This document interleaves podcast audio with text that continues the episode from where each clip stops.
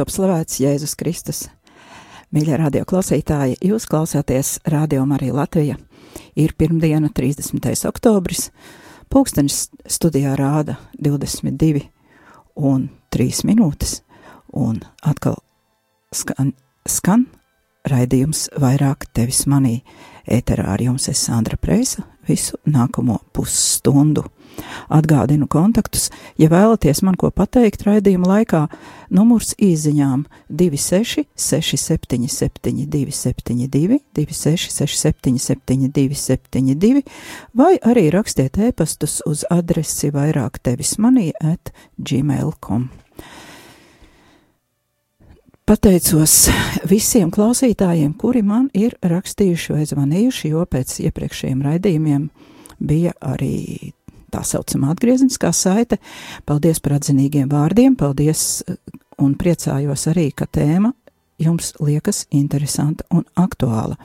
Šodien mēs arī vēl turpināsim tēmu par manipulāciju un cilvēku cieņu, jo šī tēma tiešām ir ļoti plaša, un ja nu reiz mēs esam pie šīs tēmas pieķērušies, tad gribētos vienkārši nu, izrunāt līdz galam, neatstāt kaut ko nepateiktu no tā, ko nu, kas būtu mums tīri ikdienā nepieciešams, lai mēs varētu dzīvot cilvēku cieņai atbilstoši un atbalstīt un palīdzēt arī citus cilvēkus, eh, kas saka, atbalstīt un palīdzēt viņiem arī izdzīvot savu cieņu un neļauties dažādām provokācijām. Bet tagad palūksimies un tad pie tēmas Dieva tēva un dēla un svētā gara vārdā Āmen. Tavā patvērumā steidzamies, svētā Dieva dzemdētāja. Nenicini mūsu lūgšanas, mūsu vajadzībās, bet izglāb mūs vienmēr no visām briesmām. Tu godināmā un svētā jaunava, mūsu valdniece, mūsu vidutāja, mūsu aizbildinātāja, izlīdzini mūs ar savu dēlu, novēli mūs savam dēlam, stādi mūs savam dēlam priekšā. Lūdz par mums, svētā Dieva dzemdētāja, lai mēs Kristus solījumu cienīgi topam.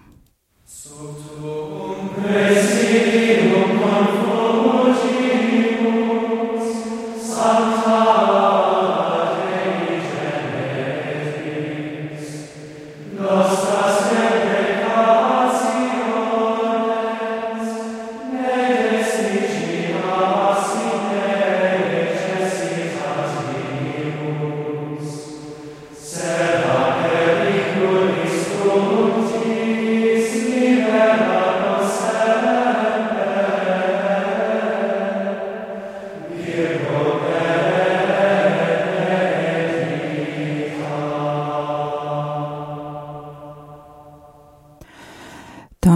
atdosim raidījumu Jaunus Marijas aizbildniecībā, jo, kā vienmēr, protams, runāt šādas tēmas, kādas mēs esam iesākuši, ir smagi, jo es domāju, ka katrs no mums savā dzīvē, it īpaši, ja mēs esam nodzīvojuši jau ilgāku laiku uz šīs zemes, mēs noteikti esam saskārušies ar dažādām nepatīkamām situācijām, un, ja mani klausās sievietes, tad sievietes noteikti zina, ka mums uh, attiecības ir ārkārtīgi svarīgas. Ja vīrieši varbūt tā, nu, es domāju, ka arī vīriešiem viņas ir svarīgas, vienkārši vīrieši māk tā kaut kā nodistancēties un varbūt, varbūt uh, izskatīties tādi vairāk neaizskarami, bet sievietes jau parasti ir attiecībās iekšā.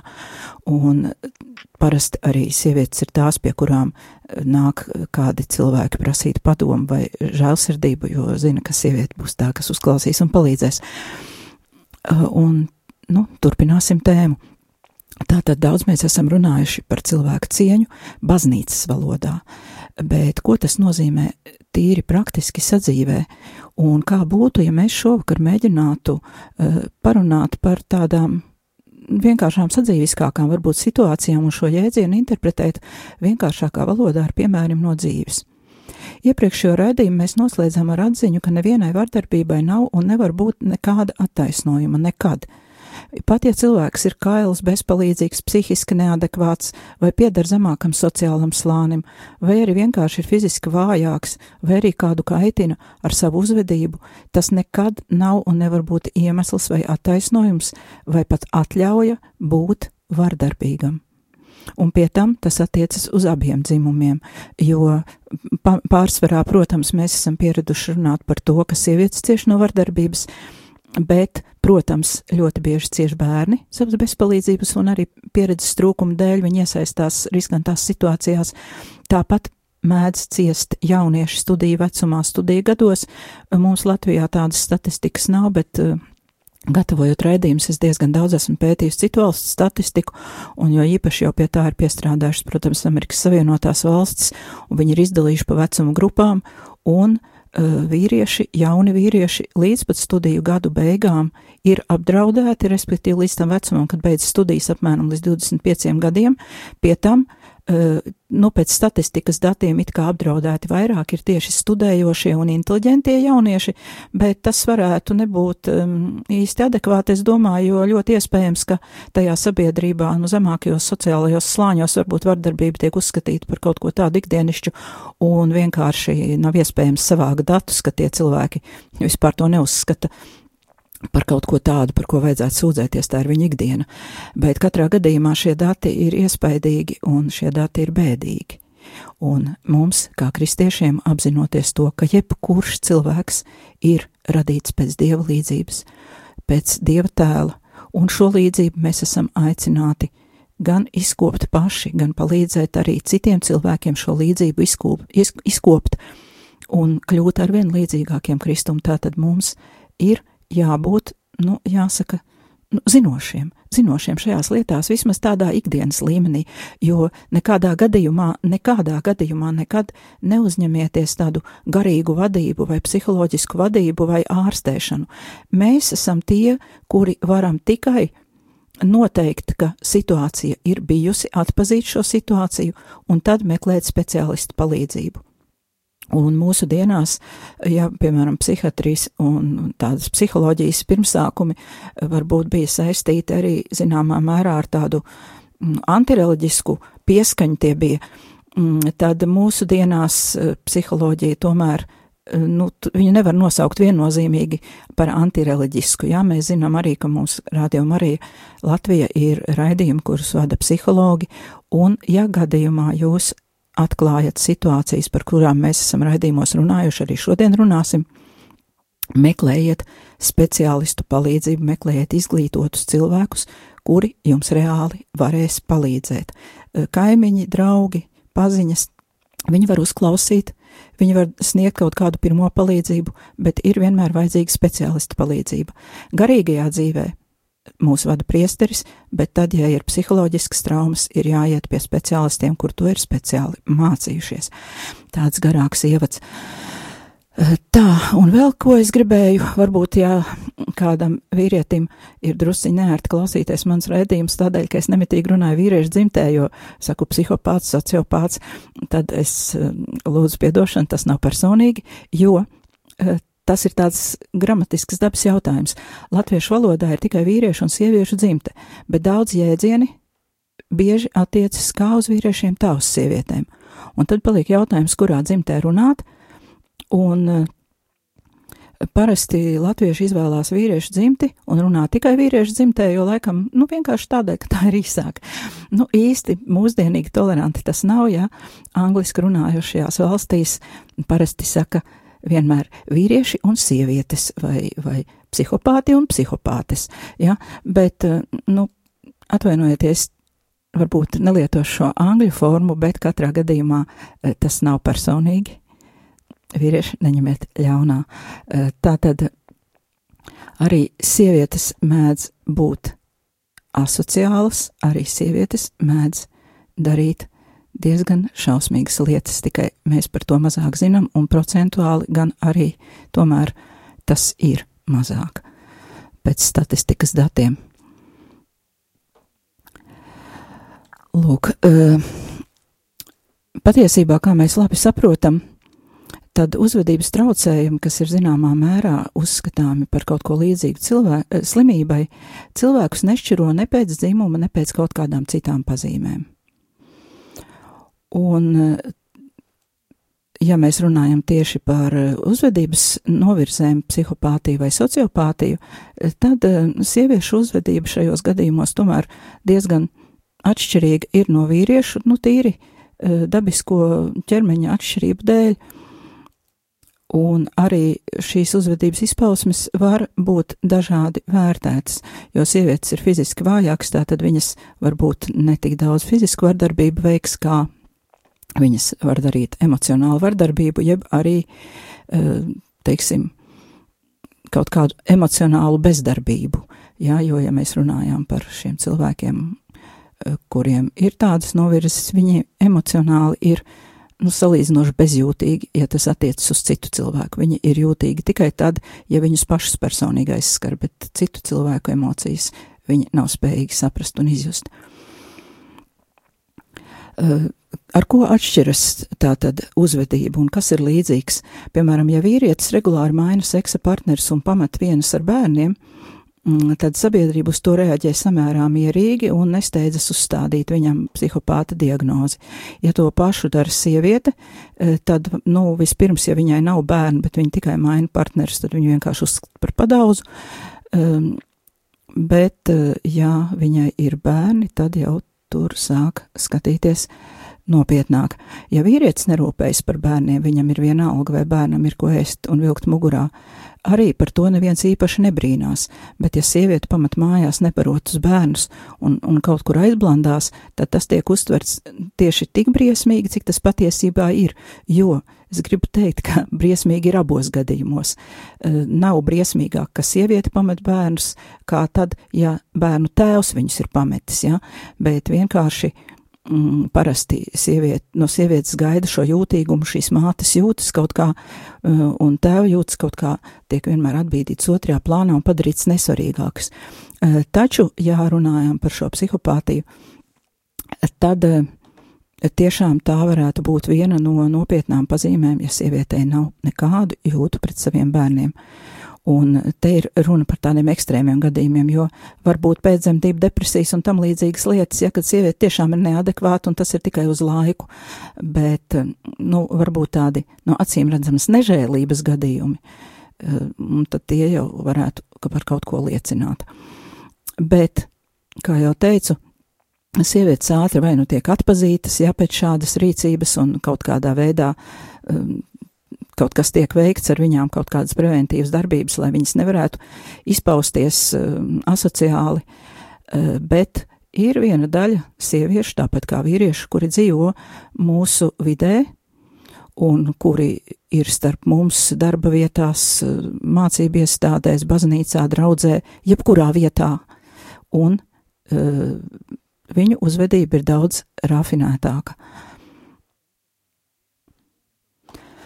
Kā jau runājām iepriekšējos raidījumos, šie cilvēki spēja iekļauties vismaz ārēji sociālajās normās tā, ka viņus ir grūti atmaskot, bet jebkurā gadījumā, vai, tas, vai tā ir sieviete vai tas ir vīrietis, ja mums ar šiem cilvēkiem ir bijusi sas, saskarsme, mm, šī saskarsme var nest smagas sekas, un šīs sekas var būt tikpat smagas, kā fiziskas izvarošanas vai vardarbības vai pat slepkavības mēģinājuma gadījumā, eh, tikai ņemot vērā to, eh, kā iedarbība eh, ir uz cilvēka smadzenēm un ļoti rafinēta un parasti bez lieciniekiem, šādas darbības ir grūti pierādāmas, bet tā, tas nenozīmē, ka upuriem ir mazākas ciešanas. Šos raidījumus es veidoju, protams, lai mums visiem kopā veidotos um, kaut kādas zināšanas, ja gadījumā nāksies sastapties aci pret aci ar kādu dīvainu situāciju, un mums var rasties aizdomas, ka tā būs grūti risināma. Un otrkārt, kas ir ārkārtīgi svarīgi, lai mēs neviens nekad nenovērtētu par zemu kādu cita cilvēka izmisīgus meklējumus pēc sapratnes un palīdzības, jo visbiežāk šie stāstiņi izklausās pēc fantāzijām. Un tad mums rodās pirmā reakcija, re cilvēks ņem kompleksi, re kā viņam gribās, lai pažēlo. Šādā situācijā vispār nevajadzētu cilvēku žēlot tādā parastā žēlošanas nozīmē, jo žēlošana parasti uh, ir it kā no stiprākā pozīcijas pret vājāko. Es esmu šobrīd stiprs un aktu nabadzīgs, es tevi pažēlošu. Bet šādam cilvēkam ir nepieciešami apliecināt viņa cieņu, nevis vēlreiz apliecināt, ka viņš ir vājš un ka viņš ir kaut kādā veidā predisponēts būt upurim. Uh, ja mēs sāksim tā saucamo upuri mierināt, eh, ka nekas jau traks nebija, ka viņš vai viņa tas pārdarītājs tikai pajokoja, neņem pie sirds, viņš vai viņa jau tikai labu gribēja, mēs riskējam šādā veidā cilvēku no jauna ievainot ar savu neusticēšanos, ar, mēs neviļus mazinām viņa pārdzīvojumu nozīmīgumu. Un, ja mēs neesam, protams, parasti psihologi un psihoterapeiti, ja esam brīnišķīgi, tad mēs zinām, ko darīt. Bet, ja nezinām, eh, tad vislabāk vienkārši noklausīties, ko tas cilvēks runā un palīdzēt viņam sameklēt profesionālu atbalstu. Kā jau es teicu, uzbrukumi ir rafinēti un praktiski nepierādāmi, bet upuri, zinādami, ka viņiem neviens neticēs, vienkārši klusē. Un runājot par upuru klusēšanu pēc smagām traumām, mēs redzam arī šobrīd presē, nu, es tā rakstīto presi tik daudz nelasu, es vairāk lasu internetā, nu, ir pilns internets ar tiem stāstiņiem par izvarošanām. Holivudā un tad eh, ar visādām, kom, visādiem komentāriem. Un, eh, jā, piemēram, pašā Amerikā, Holivudā tas cilvēks, par kuru ir šīs apsūdzības, ir izmests no uh, Amerikas Kino akadēmijas, viņš ir atlaists no paša dibinātās firmas, kurā viņš strādāja, un pret viņu ir ierosināta krimināla lieta, un būtībā sabiedrība viņu neslavē noteikti par to, ko viņš ir darījis un neapšauba uh, liecības, uh, tad pie mums Latvijā um, šī attieksme nav tik viennozīmīga. Pie mums Latvijā ļoti daudzi cilvēki uh, nu, uzskata, ka šo upuru ciešanas nav patiesas, īstas un tik smagas, kā viņi paši apgalvo. Bet tagad mazliet padomāsim par to, kāds vispār ir ievainošanas un traumēšanas mehānisms, nerunājot par fizisku, bet tieši par psiholoģisku traumu. Princips ir viens. Cilvēks tiek izsmiets un pazemots, pārkāpjot jebkādas cilvēka robežas. Jebkādas robežas, kuras uzliek sabiedrībā pieņemtās normas, etiķete, cilvēka cieņa un dažos gadījumos arī likumdošana. Lai gan cilvēkam fiziski nekas netiek nodarīts, viņa sajūtas ir līdzīgas kā tad, ja viņš būtu izvarots vai piedzīvojis slepkavības mēģinājumu. Mums, ko mēs varam darīt? Pirmām kārtām šādu uzvedību var pamanīt bērniem, un bērnībā to var ļoti nopietni koriģēt, lai šie bērni nākotnē nekļūtu par varmākām vai par upuriem un skolā, piemēram, bērnu vidū būtu jāpievērš uzmanība tādiem bērniem, kuriem sagādā prieku kaitināt citus bērnus. Tādi bērni var būt gan zēni, gan meitenes. Viņi cenšas uzvesties izaicinoši pret citiem bērniem un skolotājiem un pētī reakciju. Tiek atlasīti paši jūtīgākie bērni eksperimentālā ceļā, un tad sākas apcelšana, lai tas otrs sāktu kaut kā neadekvāti reaģēt, kauties, histēriski kliegt vai raudāt. Šo bērnu mērķis ir pusapzināts. Viņi noteikti negrib apzināti ļaunu, viņi visticamāk nesaprot, ka viņi tā pa īstam ļaunu dara. Bet mērķis ir izraisīt reakciju un pēc tam paziņot, ka tas otrs ir vainīgs, ka viņš ir neadekvāts, nu, tāpēc, ka viņa reaģi, reakcija parasti ir, nu, vētraina, teiksim kad bērnam stāsta tādam bērnam pārdarītājam, ka otram sāp, eh, šie bērni nesaprot un saka, ka viņi paši gan tā nereaģētu un ka tas otrs ir jocīgs un nu, viņiem patīk, piemēram, kā viņš izskatās pēc muļķīša tur tajā brīdī, kad viņš reaģēja vai kaut kā tā. Eh, tāpat mēs noteikti esam piedzīvojuši kāda klases biedra teicamnieka pazemošanu. Vai ka bērns tiek apsmiets tādēļ, ka viņš atšķiras izskatā, piemēram, viņam varētu būt brīles ar bieziem stikliem vai koši rudi mati, vai, nu, vai vēl kāda ārēja pazīme, eh, kura uzkrītoši liek atšķirties no pārējiem. Mēs noteikti atceramies šādus gadījumus no saviem vai bērnu skolas laikiem. Un tā kā bērna vecumā šādu uzvedību var koriģēt, vajadzētu to darīt, jo cilvēks kļūst vecāks, jo grūtāk ir kaut ko mainīt, un, diemžēl, šāda uzvedība cilvēkam var saglabāties pilnīgi līdz vecumdienām. Man ir gadījušies pieauguši cilvēki, kuri stāsta, ka viņiem patīk otru cilvēku kaitināt un skatīties, cik jocīgs tas cilvēks pēc tam izskatās. Nu, absurdi, ja par to runā, piemēram, 50-gadīgs zolīts vīrietis vai sieviete. Šādus gadījumus eh, bērnu vidū nedrīkst ignorēt. Tie ir obligāti jārisina ar skolotājiem, ar skolas psihologu un, ja vajag, tad arī ar psihiatru. Bet galvenā loma ir vecākiem un atmosfērai ģimenē. Ja mēs nevēlamies nelaimīgu dzīvi paši sev un saviem bērniem visu atlikušo mūžu, tad šīs situācijas mēs nedrīkstam neņemt nopietni. Eh, kad šādi bērni izaug un nav saņēmuši šo audzināšanu un palīdzību no pieaugušajiem, Viņi turpina šo uzvedības modeli darba vietā un jebkur citur, kur viņas dzīvē aizvedīs, pat lūkšana grupās un kopienās. Un, ja kādā grupā, darba vietā, lūkšana grupā, kopienā vai, nezinu, studiju grupā, kādā augstskolas kursā vai vēl kaut kur, kur cilvēki ir eh, tādā noslēgtākā kopienā ilgāku laiku, tas var izpausties kā mobbings. Eh, tas tāds, es nezinu, vai visi zin šo vārdu, jā, bet, nu, tūlīt mēs sapratīsim, kas tas ir. Tātad, kad ir mobbings, tad par upuri parasti tiek izvēlēts kāds cilvēks, kāds, piemēram, darba vietas darbinieks vai darbiniece, kuram ir laba slava un kurš labi veic uzticētos pienākumus. Parasti vienmēr par objektu tiek izvēlēts cilvēks, nu, ne, ne tāds, kurš nemāk kaut ko darīt, kaut kāds tāds, nu, teiksim, vājāks vai nedrošāks, bet Mobbinga gadījumā parasti tiek izvēlēti labākie. Eh, par viņiem sāk izplatīt tēnkas. Cilvēks tiek izolēts no kolēģiem vai no aprunāšanas palīdzību, kas rada kaut kādas nenoteiktas aizdomas par tā otra cilvēka vai godīgumu vai profesionalitāti. Eh, tad parasti tiek meklēts un atrasts veids, kā apgrūtināt tā cilvēka darba pienākumu veikšanu, tiek prasīts neadekvāts atskaites par padarīto darbu, saīsināts darba stundas un pazemināts atalgojums.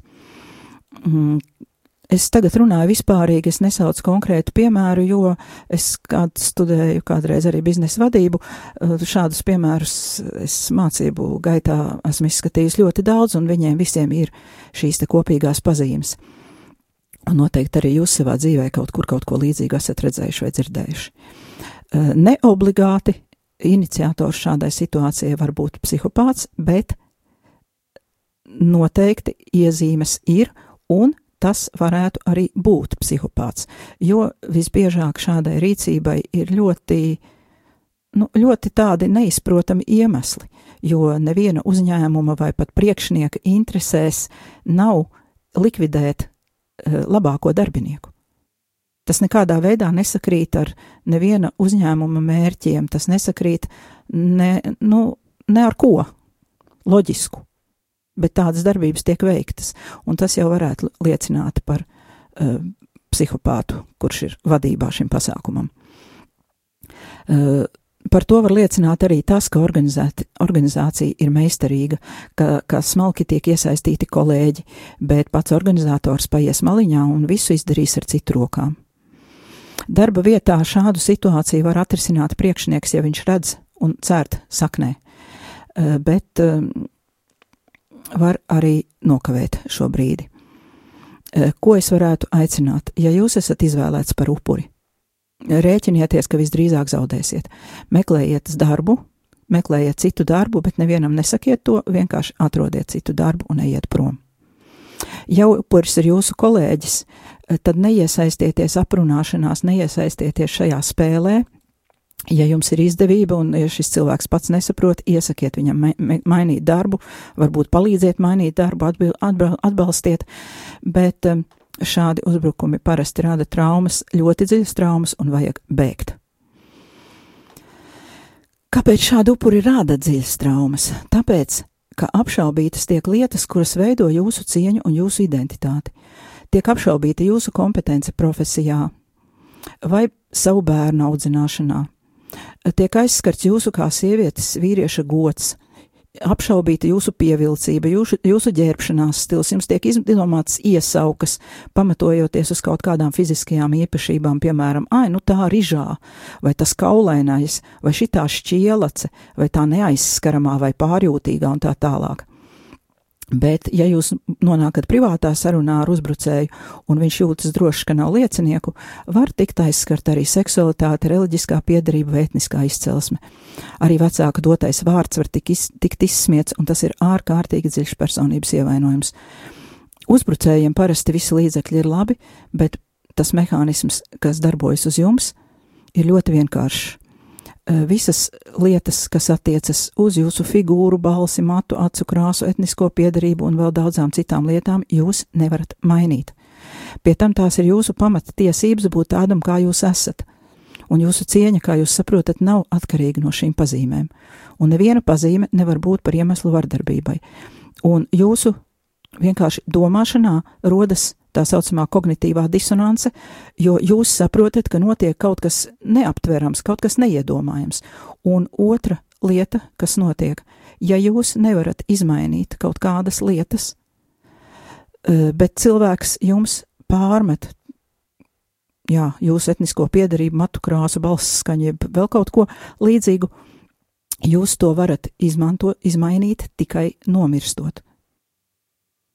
Respektīvi, šāds uzbrukums uh, jūsu zemapziņā, neatkarīgi no tā, ka jūs ar prātu saprotat, ka tas viss ir muļķības, jūsu zemapziņā tas rada iespaidu, ka jums tiek apdraudēta dzīvība.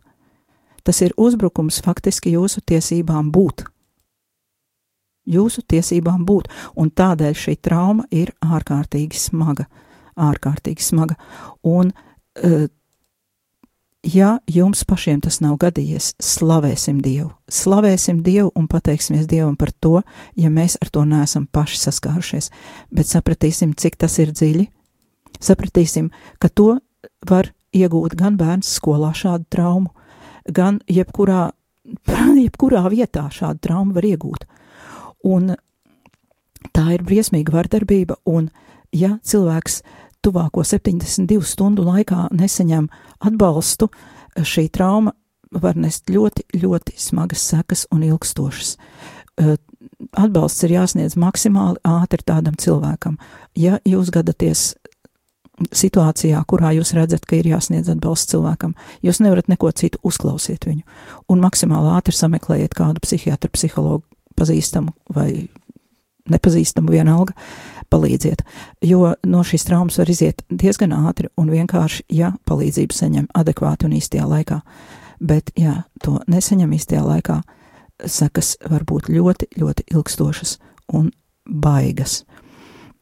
Pie tam, ja tas cilvēks ir bijis psihopāts, ar kuru ir bijusi darīšana, tad jūs nekad nevarēsiet atrisināt šo situāciju, iesaistot šo cilvēku, jo viņš vispār neko nenojauš par procesiem, kurus pārdzīvo viņa tā saucamais upuris. Viņam tas var likties labs joks, ko viņš ir izdarījis, viņš var būt gandarīts, ka viņam ir izdevies novākt konkurentu, vai viņam vienkārši patīk redzēt jūsu stulbo sejas izteiksmi, kad jūs atrodaties šoku stāvoklī. Viņam vienkārši ir smieklīgi un neko vairāk viņš nesaprot. Katrā gadījumā viņš neko sliktu neredzēs tajā, jo viņš nedomā tādās kategorijās. Un tādēļ būsim uzmanīgi, sniegsim palīdzību upuriem, nenovērtēsim par zemu šādas pieredzes, kuras ir citiem cilvēkiem un kuras mēs paši nesam piedzīvojuši. Būsim žēlsirdīgi, būsim žēlsirdīgi, kā pats Kristus ir žēlsirdīgs. Kristus ir teicis: mīli savu tuvāko kā sevi pašu. Tātad mīlēsim tuvo, tuvāko, bet mīlēsim viņu kā sevi pašu, un Radījums tuvojas beigām un paliek mūžs senais jautājums mums pašiem. Vai es sevi mīlu? Vai es sevi mīlu? Un ja es mīlu sevi, es spēšu mīlēt tuvāko, es spēšu pasniegt roku, būt žēlsirdīgs kā Jēzus. Paldies, ka klausījāties, un līdz nākamajai pirmdienai.